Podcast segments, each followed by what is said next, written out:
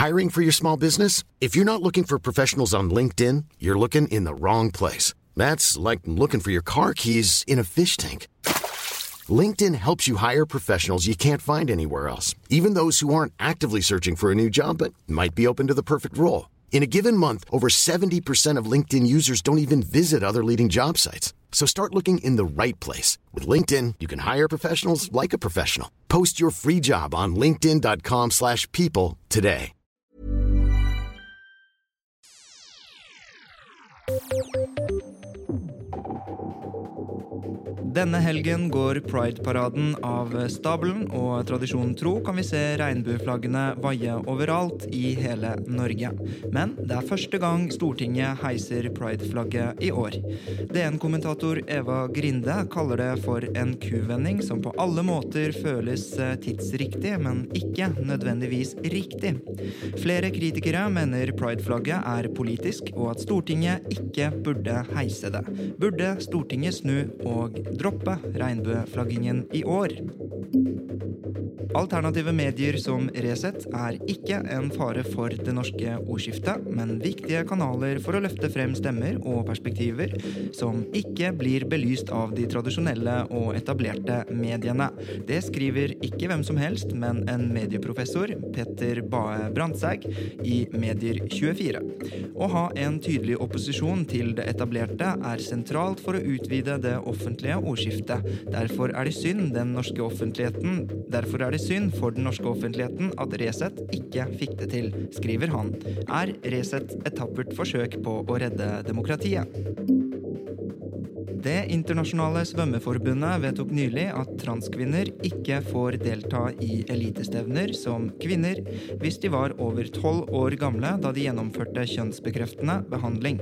Dette vekker kraftige reaksjoner, skriver NRK. Også den norske transkvinnen og håndballkeeperen Zooey Perry frykter at tøffere regler innen toppidretten kan føre til at unge transpersoner blir stående utenfor breddeidretten. Burde transkvinner få delta i kvinneidretten? Du hører på Etikk og estetikk, presentert av Hedvig Boligforsikring. Podkasten er tilbake i sin tredje sesong og tiende sesongavsluttende episode. Produsent Adrian Eriksen, researcher Peter André Hegg og programleder det er meg, Danby Choi. Vi skal straks introdusere dagens panel, men først noen ord fra våre annonsører. Visste du at Hedvig er 100% digitalt? Med forsikringsappen Hedvig får du empatisk behandling av ditt personlige serviceteam. Alt ved dine fingertupper. Meld din skade og få saken løst på minutter i Hedvig-appen.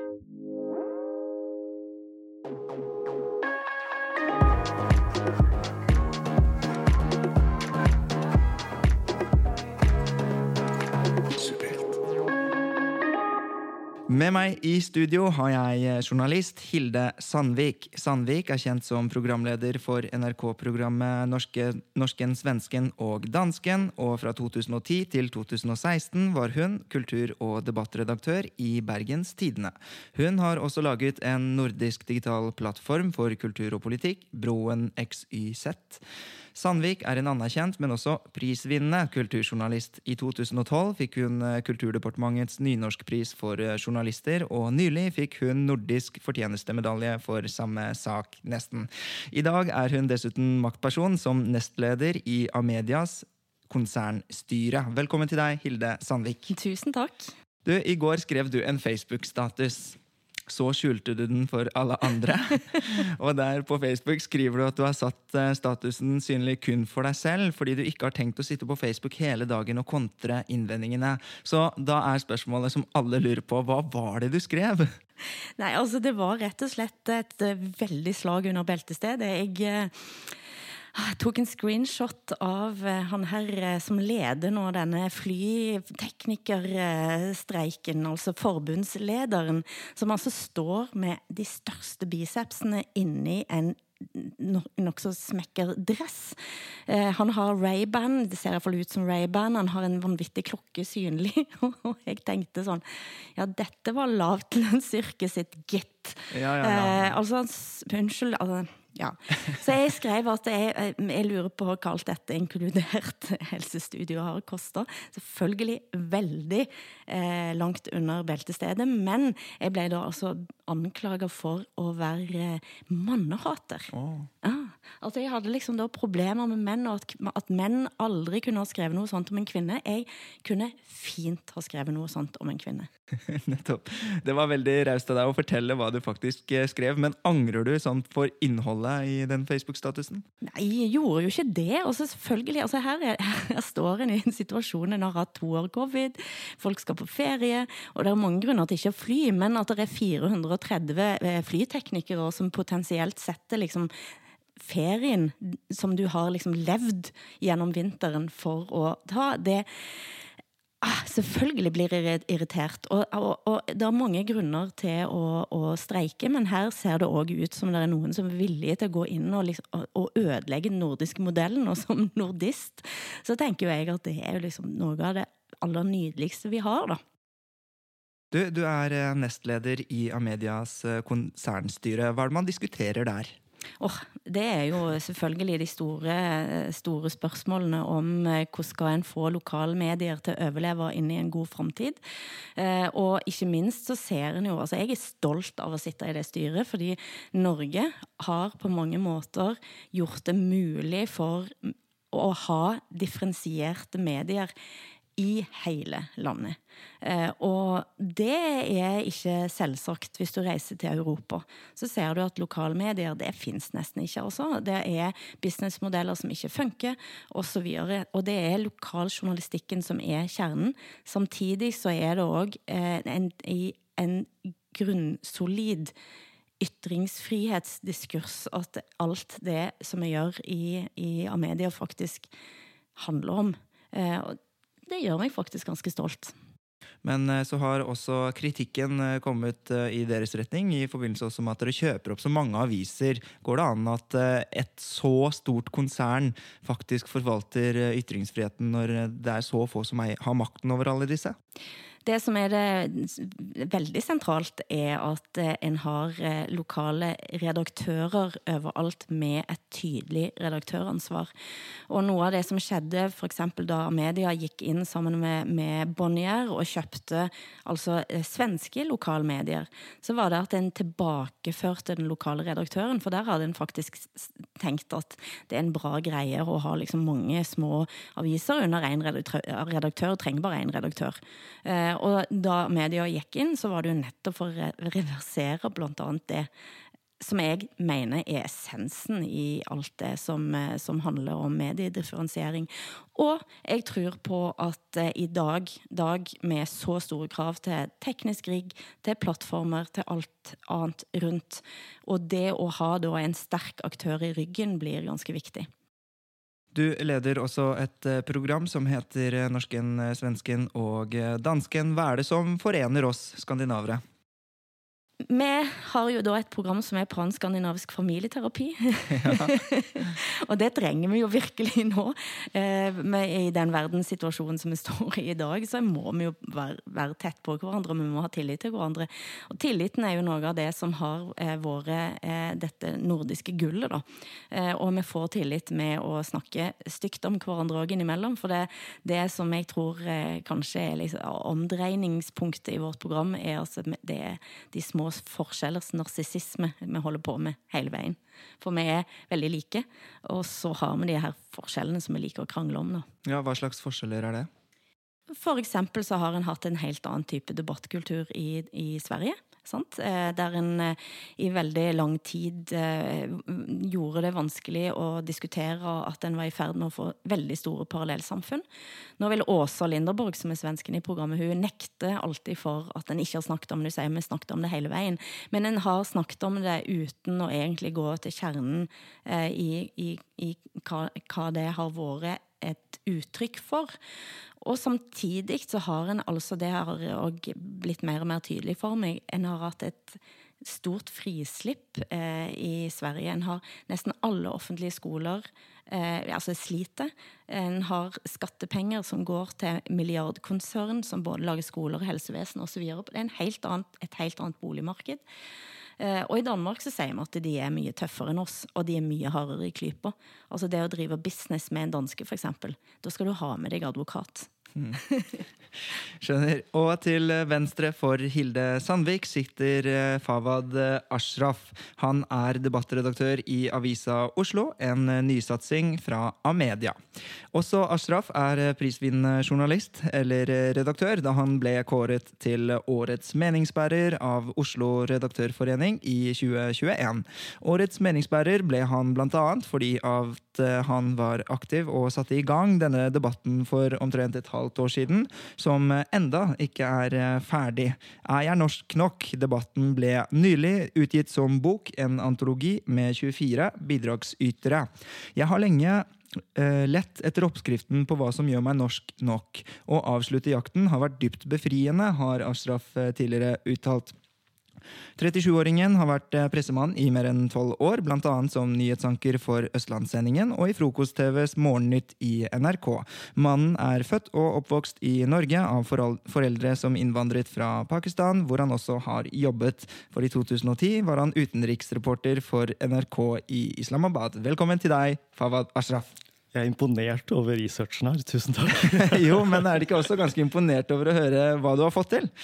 Jo, når det blir sagt uh, oppsummert på den måten, så, så høres det høres ikke så verst ut. Det høres egentlig veldig fint ut. Ja, og gratulerer så mye. Hvordan går det med deg om dagen? Det går fint med meg om dagen. Jeg øh, liker jobben min. Og så gleder jeg meg egentlig veldig til sommerferie. Fordi øh, det er øh, Det er krevende å lage debatt på en måte som jeg i hvert fall syns at uh, de andre som jeg definerer som våre konkurrenter, ikke gjør. Og akkurat i dag har jeg litt kort lunte fordi det er så varmt, og jeg tåler varme skikkelig dårlig. og du startet denne Norsk Nok-debatten, altså. Kan du fortelle litt om hva den gikk ut på, og hva, vi, hva, hva ditt ståsted var i den?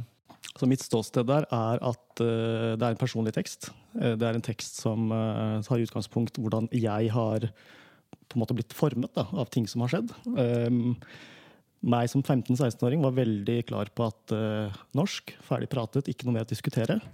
Så tror nok jeg også med årene uh, Jeg var 15 for hva da? 25, 30, 22 år siden. Så jeg har jo fått noen nye ideer og innspill i hodet. Uh, og det handler om i bunn og grunn at når du ønsker å være en del av fellesskapet, du gjør alt for å være en del av fellesskapet, så er det noen få som kommer og stikker og sier nei, du er ikke en del av oss. Du er ikke en del av det vi holder på med. Og de stemmene, om ikke de er flest, det er de heldigvis ikke, de kommer antageligvis heller ikke til å bli uh, flest, men de tar mer plass. De tør å ytre seg mye mer uh, direkte. Uh, og det er jo det jeg i den teksten som noen misforsto, kaller den rå og onde nasjonalismen. At det er på en måte vår greie, det norske. Um, og da er jeg litt sånn um, vi har prøvd å late som at alle sammen skal føle seg norske og være integrert. At det er synonymt. La oss kaste en annen uh, variabel inn i diskusjonen. Nemlig. Og du jobber for å mangfoldiggjøre offentligheten, og er eh, stolt av eh, hvilke, hvor mange eh, som aldri har skrevet i offentligheten før, som har bidratt i deres avis osv. Hva er det viktigste du har lært på, på veien i det oppdraget? Det er mye å holde folk i hånda og snakke om hva en kronikk er, og hvordan du skal skrive den. Eh, det er folk som prater veldig godt, men når de skal sette seg ned og skrive, så er det ikke så lett å få ting ned på papiret. Mm. Og hele tiden lete etter de menneskene som eh, kan melde noe. Jeg tenker med nesten hvert innlegg at hvis du leser det på en mandag, så skal du diskutere det, snakke om det på en middag på fredag. Du skal huske det, liksom. Det skal være tidløst, det skal være mulig å gå tilbake et halvt år etterpå og fortsatt synes at det er en interessant tekst. Og eh, hvordan står det til med mangfold i media? Oh, ok, Hvordan det står til med mangfold i media? Det blir bedre og bedre. Jeg syns det. Um, da jeg startet for i NRK i 2005-2006, så uh, kunne vi liksom bare Vi stoppet opp og så på hverandre i gangen. Altså, der er du, der er jeg. Men nå er vi jo mange flere. Og jeg syns det er bra. Det er en riktig utvikling. Og det aller beste med det Jeg vil gjerne trekke fram Chi-Chi Pang i VG. De sakene hun skriver om Forsvaret, de sakene hun skriver om norsk og identitet, de sakene, den tilliten hun får fra nei, fra kilder, det får hun tror jeg, mye pga. hvem hun er som person, men også liksom, hvilket verdier og tankesett og bakgrunn hun har. Så det beriker på en måte journalistikken at vi har bedre mangfold. Og du eh, sitter her som eh, redaktør, og om vi skal ta eh, Hilde Sandviks ord bokstavelig, så skal ikke du være redd for at du sitter her med sjefen din. Nei. Frykter du for det? Nei, altså overhodet ikke. Eh, rett skal være rett. Jeg er fangirl av litt da jeg så deg, fordi jeg syns norsken, svensken og dansken er den beste podkasten. Oh, takk. Mm. Jeg syns du er veldig flink òg. Takk. Ok, Så det, blir, det er ikke noe skummelt å være her, men å skryte av hverandre, det får vi ha plass til. Jeg heter Sofie Elise, og du hører på Etikk og estetikk, en podkast fra Subjekt.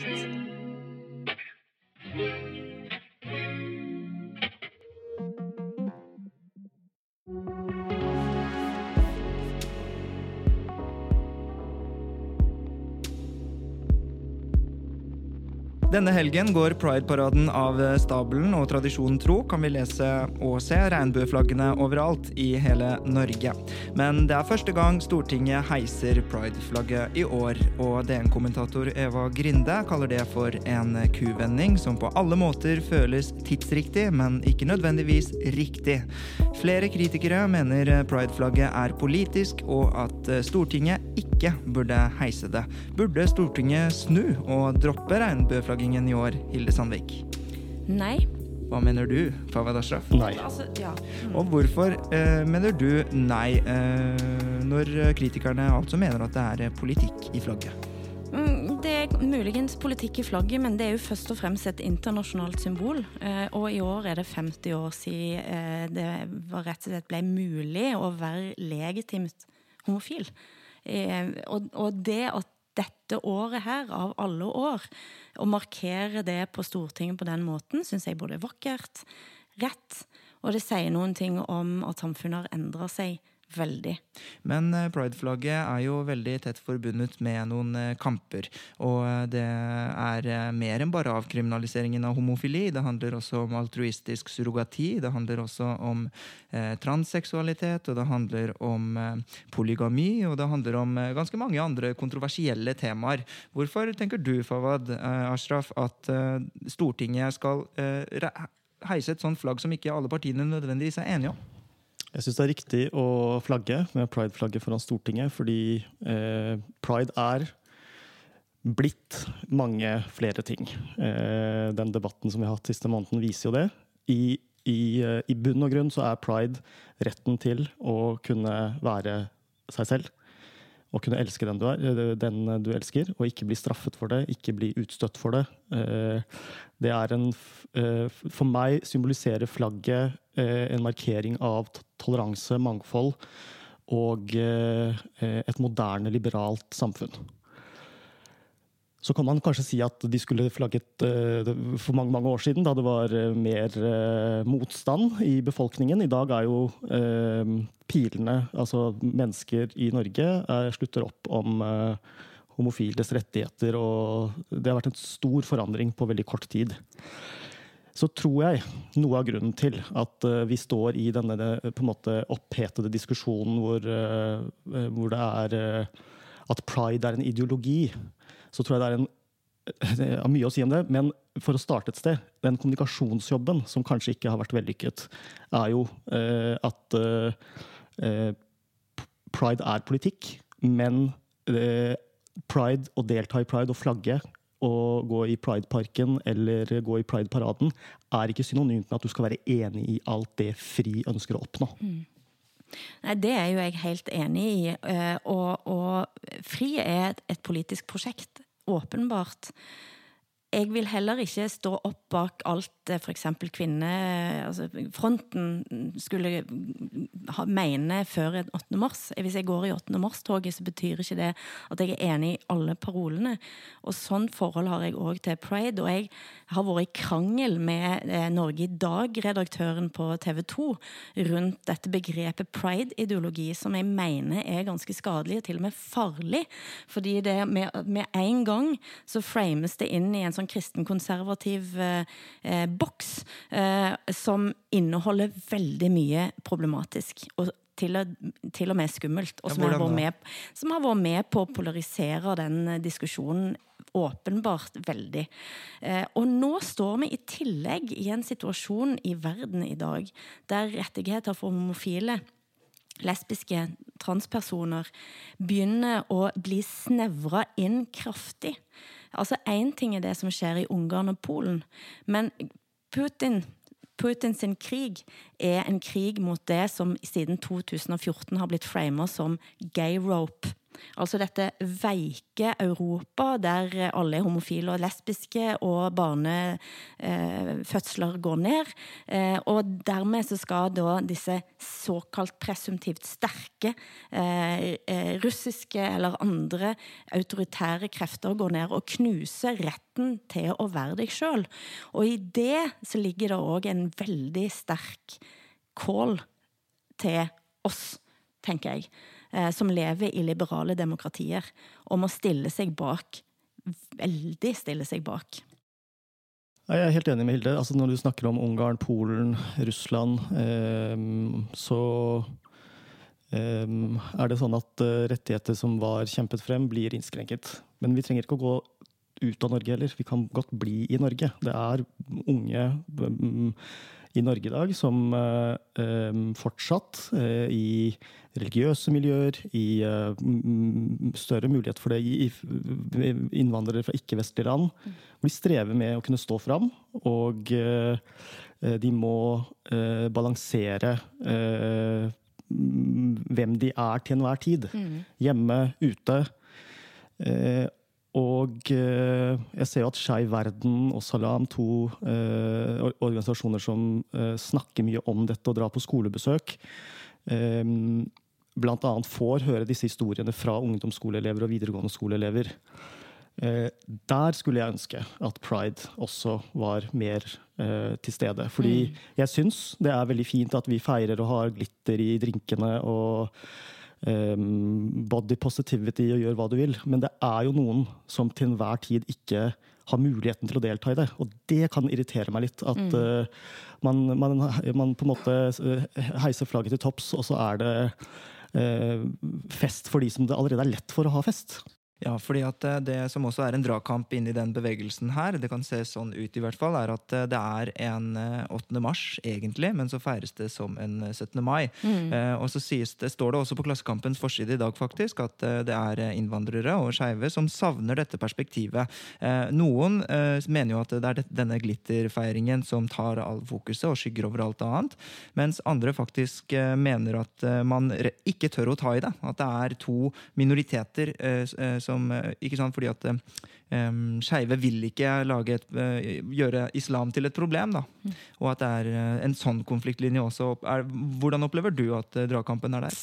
Jeg tror du treffer det ganske godt, det du sier. Nå er det jo heldigvis sånn at de nevnte organisasjonene er blitt, blitt synlige. De har mange medlemmer. Mm. De eh, eksisterte ikke for ti år siden. Jeg tror ikke at jeg i min villeste fantasi kunne tenke at i Norge i 2020, hvis jeg tenkte det for ti år siden, at vi skulle ha to organisasjoner som var så fremme og gjorde så mye viktig arbeid. Um, gi de mer plass. Ta de mm. med i styret til FRI. Uh, til Pride uh, um, Nei, Pride uh, Hva heter det for noe?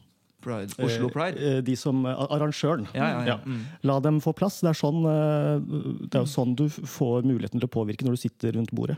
I styret til Oslo Pride så sitter altså Foreningen Fri. Mm. Mm. Ja, og, og, og, jeg har kjent folk fra Skeiv Verden i veldig mange år. Eh, og har hørt historier som har vært så hjerteskjærende at en tenker at det er dette en skal rydde forsiden på.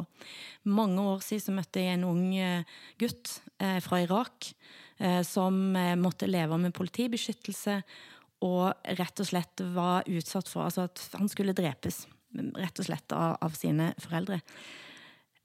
Noen, et par år seinere etterspurte jeg han, for jeg prøvde å få tak i han igjen. Da hadde han altså tatt på seg og flytta tilbake igjen. Inngått et ekteskap med et søskenbarn som var kommet helt ferskt fra Irak. Eh, og en kan sjøl tenke seg hva type liv det er, både for han og for henne. Han orket ikke å leve med det presset. Og den type historie hørte veldig mange av. Og det gjorde òg at da Skeiv Verden for første gang gikk i Pride i Bergen, så gikk jeg med de. Eh, det kom ganske mange, for Bergen er en, en regnbueby. Det kom veldig mange til Bergen på en gang fra bl.a. Syria. Men det jeg har hørt seinere der, er at eh, kommunen heller ikke tar helt ansvar for den situasjonen. Plasserer da kanskje skeive, eh, homofile, lesbiske, trans i samme boligblokk som de andre som kommer fra Syria. Og en kan sjøl tenke seg hva situasjon det er. Der du kommer fra, så er det sånn det er dødsstraff. Eh, det er altså så sterkt å møter denne type historier som, burde, som en burde ha klistra overalt. Og så burde en ha vært godt med i det toget. Mm. Det er altså så mange forskjellige ting man skal fokusere på under en eh, sånn eh, parade. Og det er så mange organisasjoner og historier og alle disse aspektene. Eh, og det er jo ikke rart det blir debatt heller, og det er jo derfor det også blir debatter. Men begge mener altså at man kan gå i Pride-paraden i år. Vi skal nesten inn på tematikken senere i sendingen. Yo! Det er Uge Marstein her, fra Undergrunn Klikk. Du hører på Etikk og estetikk av subjekt. You know the shit.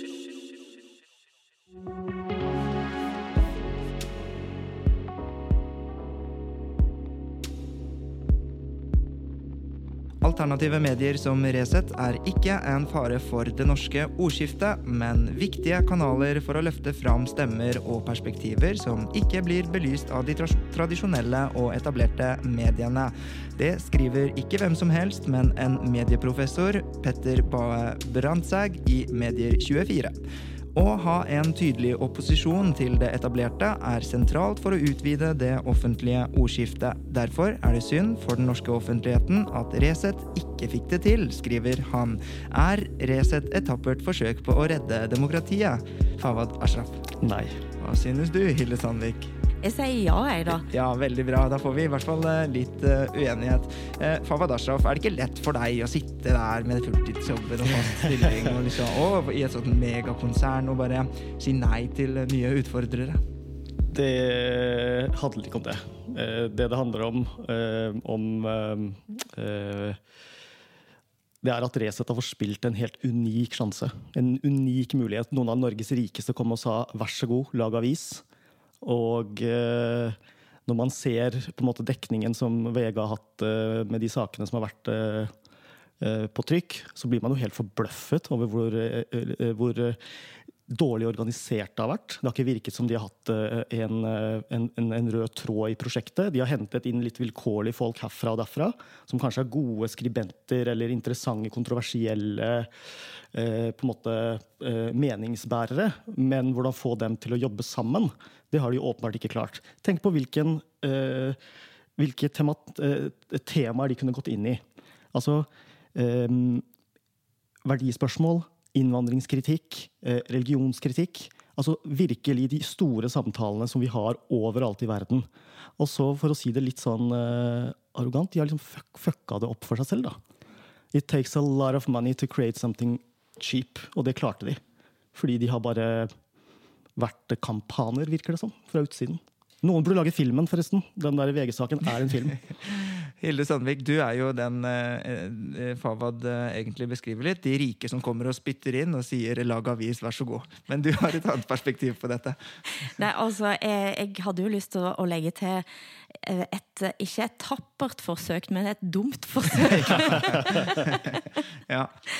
For, men, men, og i så fall går du med på det? Ja, altså fordi at i utgangspunktet så tror jo jeg på mediemangfold. Eh, jeg tror på flest mulig stemmer. I alle fall har jeg alltid som journalist og redaktør trodd på det. Eh, altså, jeg vil at alle typer meninger skal kunne presenteres, legges på bordet, og så får en diskutere dem, så må en se på dem, og så kan en kritisere dem sønder og sammen. Men de ligger der. Men altså, det er jo et fest å lese eh, saken i VG, jeg må jo bare innrømme det. Eh, og, og, det er påkoblinger på altså, lenker til liksom, Filippinene og Thailand og og trygdemottakere som har sittet og, og spadd opp eh, drittpakker mot Sumaya Irdali og, og liksom kjøre på i en eller annen kampanje osv. Altså det er jo så Det er så undermåls at en tenker at liksom presumptivt nå bruker jeg det ordet igjen, da. Jeg liker egentlig ikke det ordet. Men det, altså, det er folk som du skulle tenke var mer intelligente. Jeg hadde trodd mer om dem for å si det rett ut. Jeg trodde det bodde noe mer, og noe mer kritisk potensial, men det virker jo som om at en har sluppet alt til, eh, og dermed så har en liksom fått alt mulig slags ut av den, rundt den fjøslykta, for å bruke det Anders Lange-begrepet fra tidlig Frp-historie. Men tror dere ikke det er viktig for et demokrati at man også har noen litt sånn sleivsparkere og litt sånn dårlig håndverk også? Eller må alle være så sabla proffe? Blir ikke det et kjempekjedelig og et mistillitsfullt Jo. demokrati? Det blir det. Jo. Det er klart det blir kjedelig da, men uh, det ene utelukker ikke det andre her. Ikke sant? Du må jo kunne eh, Du må jo kunne på sikt uh, vise til at av, avisa tjener penger, ikke sant. Det, altså, du er gründer. Eh, Du jobbet med Jeg skandinavisk avisprosjekt og er gründer. Ja. Jeg har jo uh, en ny jobb hvor uh, på en måte og det er beintøft å starte en ny avis, men når du har, også når du har på en en, en, en sto, et konsern i ryggen, og du skal lage noe nytt, noe som er debatt, og få folk til å se, se på dine sider og ikke andres, så må du jo finne på noe solid og noe nytt. Noe folk har lyst til å uh, bruke penger på. Eh, de hadde jo eh, eh, masse muligheter. De klarte etter hvert også å få folk fra VG over til seg. Og så ble det ikke noe bedre, det ble bare verre. Og jeg syns faktisk at den der Sumaya-serien de hadde, er jo noe av det mest groteske som har vært på trykk i en, en avis som vil kalle seg avis i Norge. Det er jo reinspikka rasisme hun har blitt utsatt for igjen og igjen. Og igjen og igjen. Og Hvis du skal lage avis på den måten, så har du på en måte din kjerne. Du lager ikke en bred avis. Du holder deg til menigheten. Og jeg tror det er noe av problemet. Og så har de ikke fornyet seg. Men, men det har jo vært altså, De har jo òg tatt fram saker som alle har visst, men ingen skrev om. Det var jo denne Trine Skei Grande-saka som gjorde at de liksom fikk enormt masse lesere. Eh, sånn, det var da det på en måte breaka, ifølge VG iallfall, så var det det. Eh, og, og det er jo klart at det er jo et problem i offentligheten at det er liksom politisk konsensus om hva vi skal snakke høyt om og ikke snakke høyt om.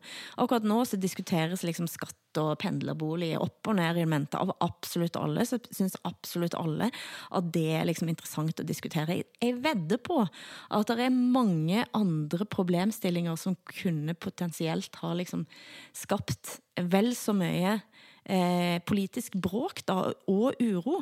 Eh, og jeg tenker at det er et problem at journalister er altfor like, at de går i de samme gangene. Altså de få gangene, eller de gangene jeg er på byen når jeg er under Arendalsuka, så blir jeg rett og slett litt sånn åh, jeg tror jeg orker det ikke. Altså, journalister beveger seg sånn store amø, sånn amøbeflokker rundt overalt.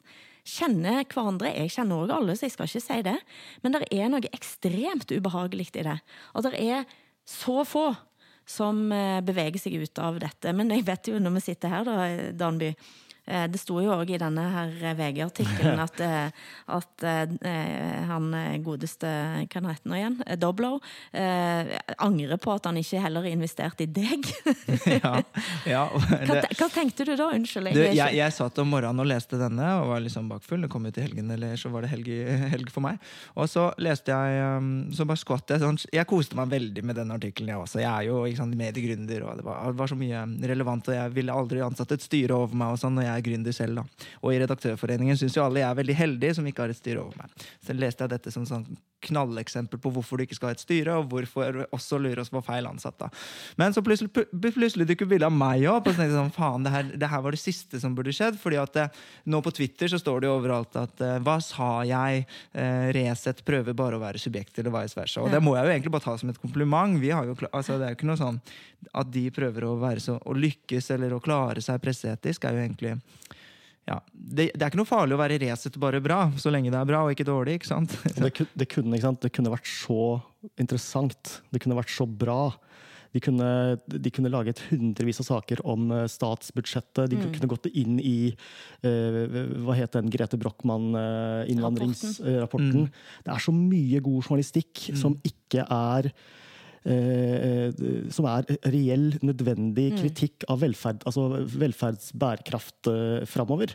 Altså, bare de tingene der har jeg eh, rett og slett ikke sett. Nei, nei. Um, Men, ja, og de eh, forholder seg jo ikke til presseetikken, men apropos presseetikken, da, så er jo også det sånn at eh, du, Apropos det du sa om at de gjør saker som alle vet, men ikke gjør.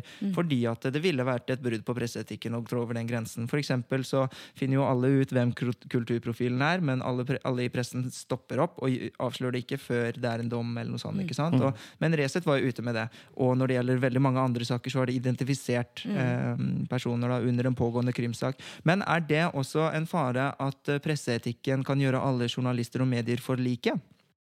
Jeg er jo glad vi har en, eh, en tydelig presseetikk eh, som, som handler om tilsvar osv. Men det er et større problem at hvis du f.eks. skal gå til angrep på si, eh, lakseindustrien, da, så, stiller, eh, så er én ting presseetikken, men det andre er advokatene. Eh, jeg tenker at det er veldig mange saker som ikke får fordi kampen mot store konglomerat blir så stor, da. Eh, men å, å, å si at vi har for, for liksom vanskelig presseetikk, mm, det, det, det vet jeg ikke. Altså, Så lenge vi har et PFU som folk faktisk eh, godtar, i det øyeblikket folk begynner å gi blaffen i hva PFU sier, så har en et stort problem. Og det er også et annet poeng jeg ville frem til i denne samtalen. fordi mens jeg studerte journalistikk, så var det en lærer jeg hadde som het Sten Stensen, som også er liksom sånn veteran på presseetikk. Han mente at eh, PF, nei, Redaktørforeningen burde ta inn Helge Lurås nettopp av den grunn, fordi da kan man stille han ansvarlig for å bryte Vær varsom-plakaten. Men det kan man jo ikke, og, nå, og de ville jo støttet Man ser jo et tydelig styre som griper inn i hans redaksjonelle frihet også. Mm. så det problemet ville jo også han fått, eh, han fått et masse støtte på fra Arne Jensen og Reidun Kjelling Nybø. Så burde Redaktørforeningen egentlig tatt han inn i varmen? oh, jeg ser poenget ditt. Det kan være disiplinerende. ikke sant? At du blir stilt litt i ansvar. Um, Han kan bli felt i PFU, ikke sant? Ja. Og eh, eh, jeg sitter jo for første gang i en situasjon hvor jeg også leser og mottar altså PFU-klager er på en måte høyere opp i bevisstheten nå. Eh, og det er jo skremmende eh, å få en eh, PFU eh, mot seg. Det er jo ikke noe hyggelig å få det. Så kanskje hadde det vært det. Kanskje hadde det også gjort journalistikken bedre. Eh, det er mange kanskje her. Eh, jeg tror jo ikke at eh, en sånn type avis tid er over i det hele tatt. Det er mulighet for det. Eh, Så får vi bare se at neste forsøk kanskje kan bli smartere og mer mm. altså faktaorientert. Da. Men det viste seg jo at vi er jo ikke så polarisert som, eh, som de trodde at vi var i Norge. Eh, hvis en tenkte seg at en skulle bare gå inn og lage en sånn Breitbart, så funka jo ikke det. Eh, et, eh, altså, det, en mister på en måte momentum.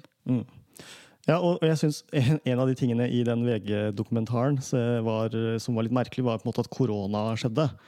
Eh, Og en del andre alternative nettsider tok med der, det standpunktet om å altså konspirere rundt vaksinen og den slags. Eh, Resett gjorde ikke det.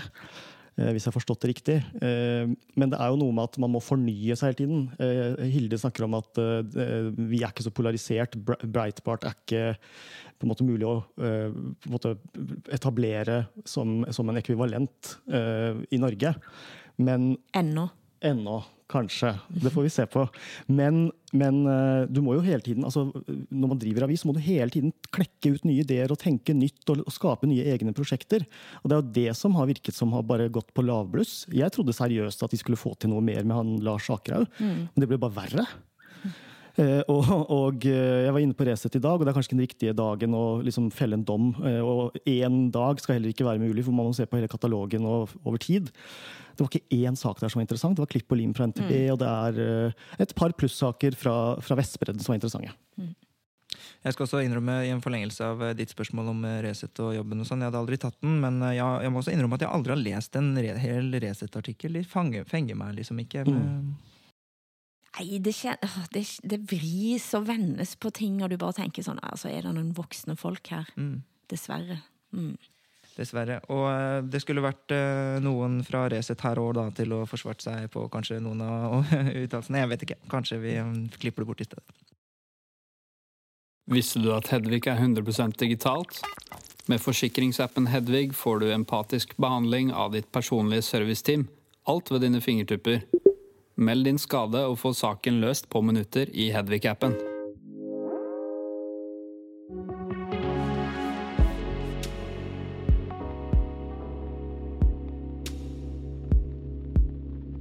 Det internasjonale svømmeforbundet vedtok eh, nylig at transkvinner ikke får delta i elitestevner som kvinner hvis de var over tolv år gamle da de gjennomførte kjønnsbekreftende behandling. Dette vekker kraftige reaksjoner, skriver NRK. Også den eh, norske transkvinnen og håndballkeeperen Zoe Perry frykter at eh, tøffere regler i toppidretten kan føre til at unge transpersoner blir stående utenfor i idretten. Burde transkvinner få delta i kvinneidretten, Hilde Sandvik? Åh, dette har jeg grudd meg til. Jeg har tvilt meg fram til et uh, ja. Men, jeg- men jeg kan, altså jeg kan legge, forklare det etterpå. Og hva mener du, Ashraf? Jeg er litt i samme situasjon. Jeg syns den er kjempevanskelig. Eh, mm, Men eh, eh, jeg kan si nja, og så kan jeg godt få utdype. Ja, og eh, da jeg sendte dere disse temaene, så svarte begge to at eh, dette kom til å bli vanskelig, og at eh, vi skulle gruglede oss til dette. Prøver du å få meg cancelled, eller ble det til og med sant Før fellesferien. før fellesferien også? Ja, hvorfor er dette så vanskelig, Hilde Sandvik? Det er selvfølgelig vanskelig, for det er både privat og det er strukturelt og politisk. Det er en stor, uh, betent konflikt, og det er helt reelt.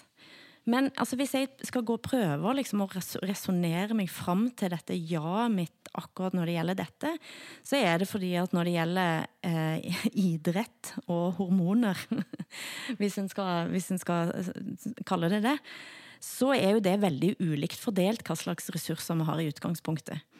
Og jeg skal vedde på at hvis en skulle måle nivåer av både det ene og det andre på toppidrettsutøvere, så ville en funnet utslag i mange retninger. Noen er fysisk eh, rigger for å svømme fort. De har store bein, altså fotblad f.eks. Eh, noen løper veldig fort eh, fra naturens side. Noen har, har en eller annen form for å bygge muskler på en annen måte.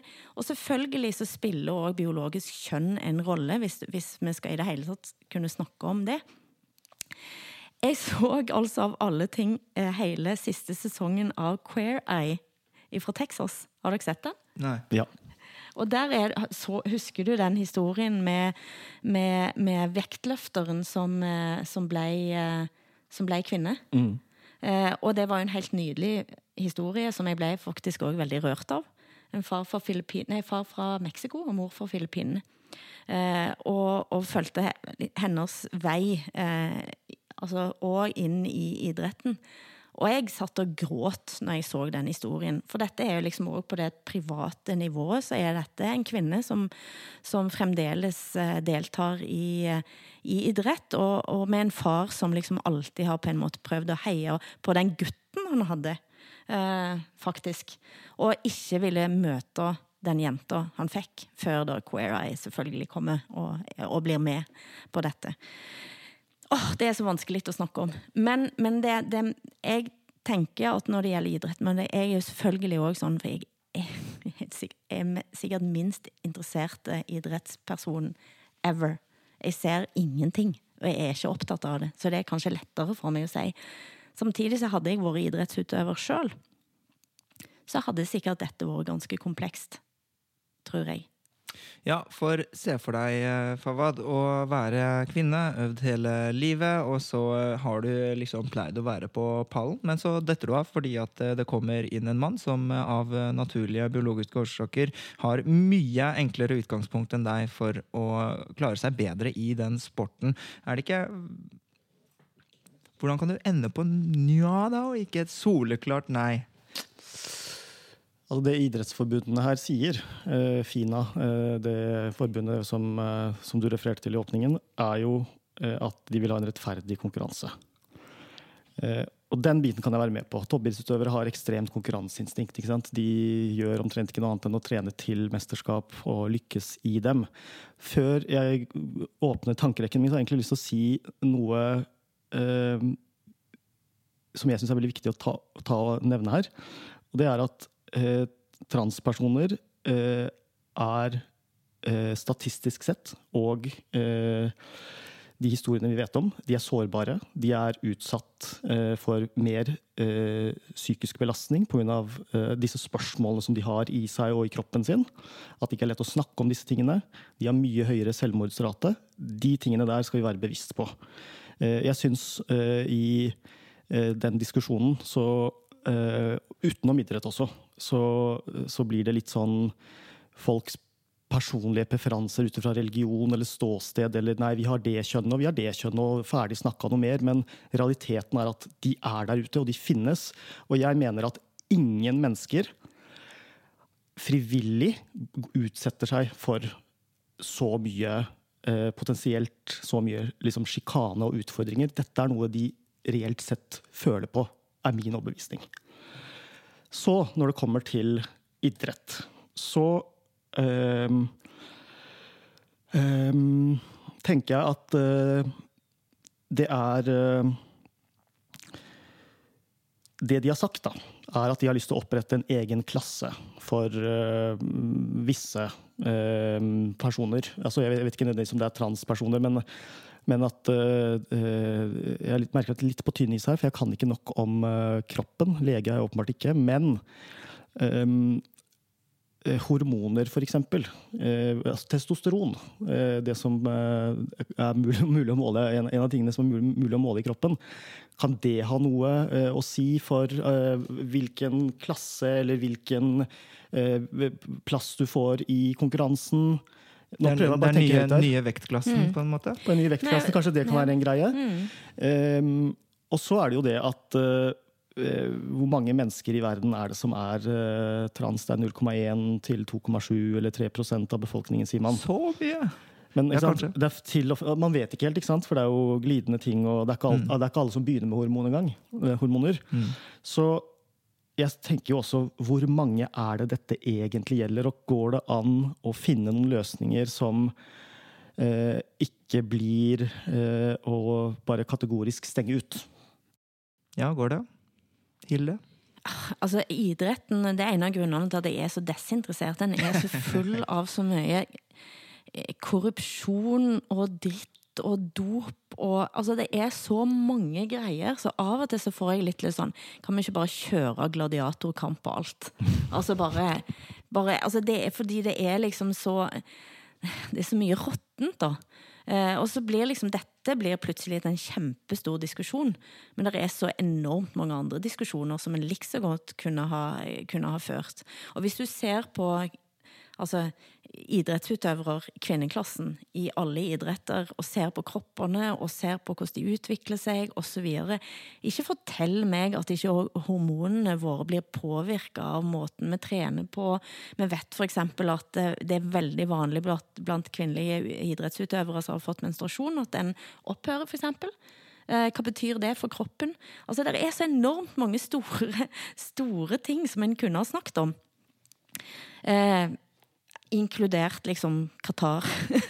mm. Eh, så, så, det blir sånn Hva for Ja det er så stor og høy temperatur når det gjelder noe så smått. Det klarer jeg faktisk ikke helt å bruke så mye er, krefter på. Det er jo ofte disse transkvinnene selv som vil ta opp denne debatten også, som er veldig lei seg for at de møter motstand uh, for det. Eller så er det faktisk kvinnene som mener at uh, disse uh, ødelegger konkurransen, ikke sant. Mm. Og, og, det er jo også påfallende at det er nesten ingen transmenn som ber om å få kjempe i manneklassen.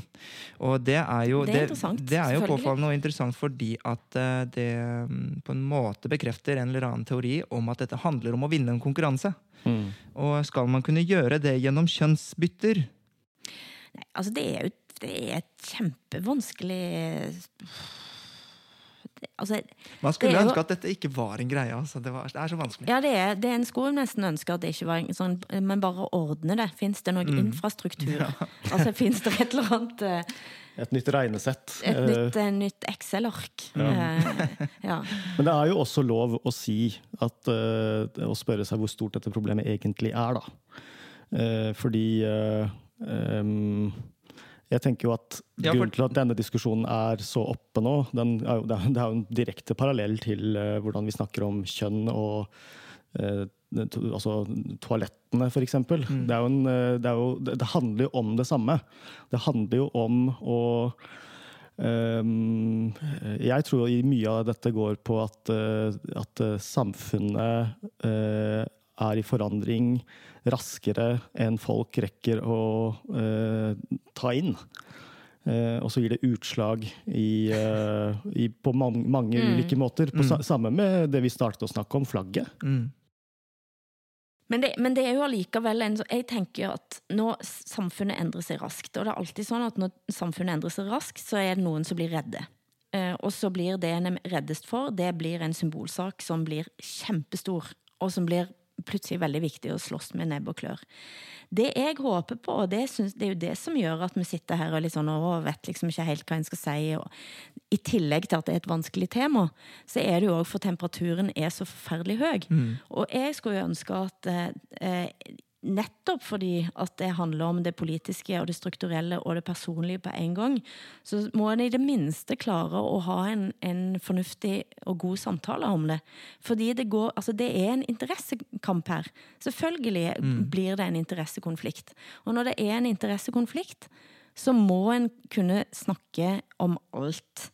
Og en må kunne undersøke og, og tenke, og tenke høyt, og tenke høyt sammen, og invitere inn. Og ha mange sånne samtalearenaer. Og det er jo det vi sitter, tror jeg, og føler på. At å nei, vi, kan ikke det. Altså det og jeg, jeg kunne ikke ha vært på den arenaen, for dette kan jeg for lite om. Men det er veldig mange som kan mye om det. Både på innsida og utsida, enten om det er idretten eller hva det måtte være. sant? Og det er det som blir det vanskelige dilemmaet for min del.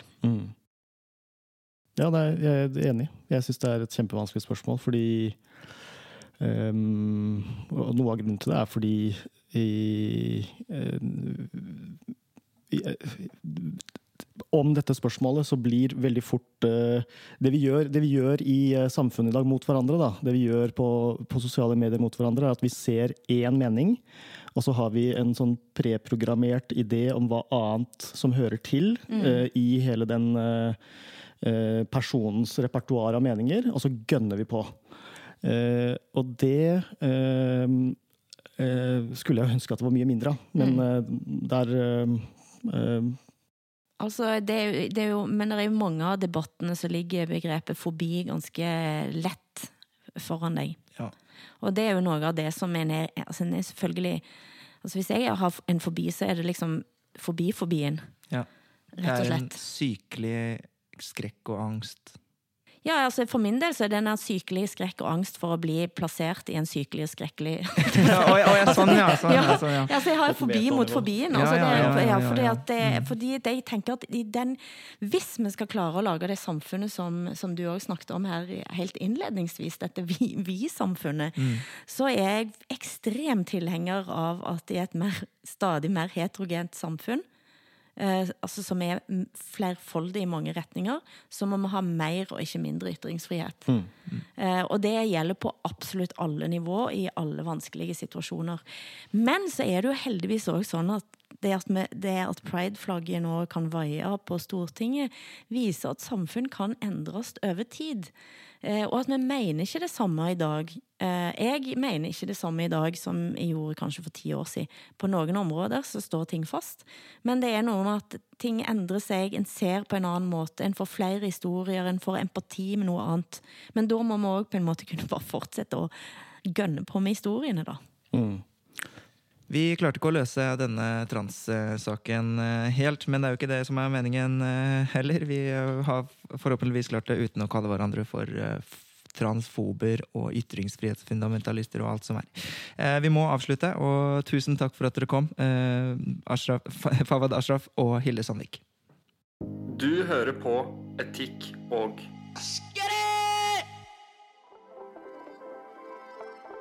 I tillegg til eh, våre gjester, tusen takk til forsikringsappen Hedvig for å presentere podkasten Etikk og estetikk, og til eh, stiftelsen Fritt Ord, som har eh, muliggjort denne podkasten. Følg eh, Subjekt eh, der det er mulig å følge oss på Facebook og på Instagram. Og Etikk og estetikk har jo som kjent en eh, egen debattgruppe med nærmere 3000 medlemmer på Facebook. Den heter Etikk og estetikk. Så om du ikke er medlem i den gruppen fra før av, så anbefaler jeg deg å bli medlem der, for der tas det opp temaer som interesserer subjekt generelt, men særlig da podkasten Etikk og estetikk spesielt. Hvis du likte podkasten, så håper jeg at du kan stjernerangere oss um, i uh, de plattformer som tilbyr det, enten det er Spotify, Apple Podcaster, Soundcloud eller andre tilsvarende podkastplattformer der du hører på oss akkurat nå.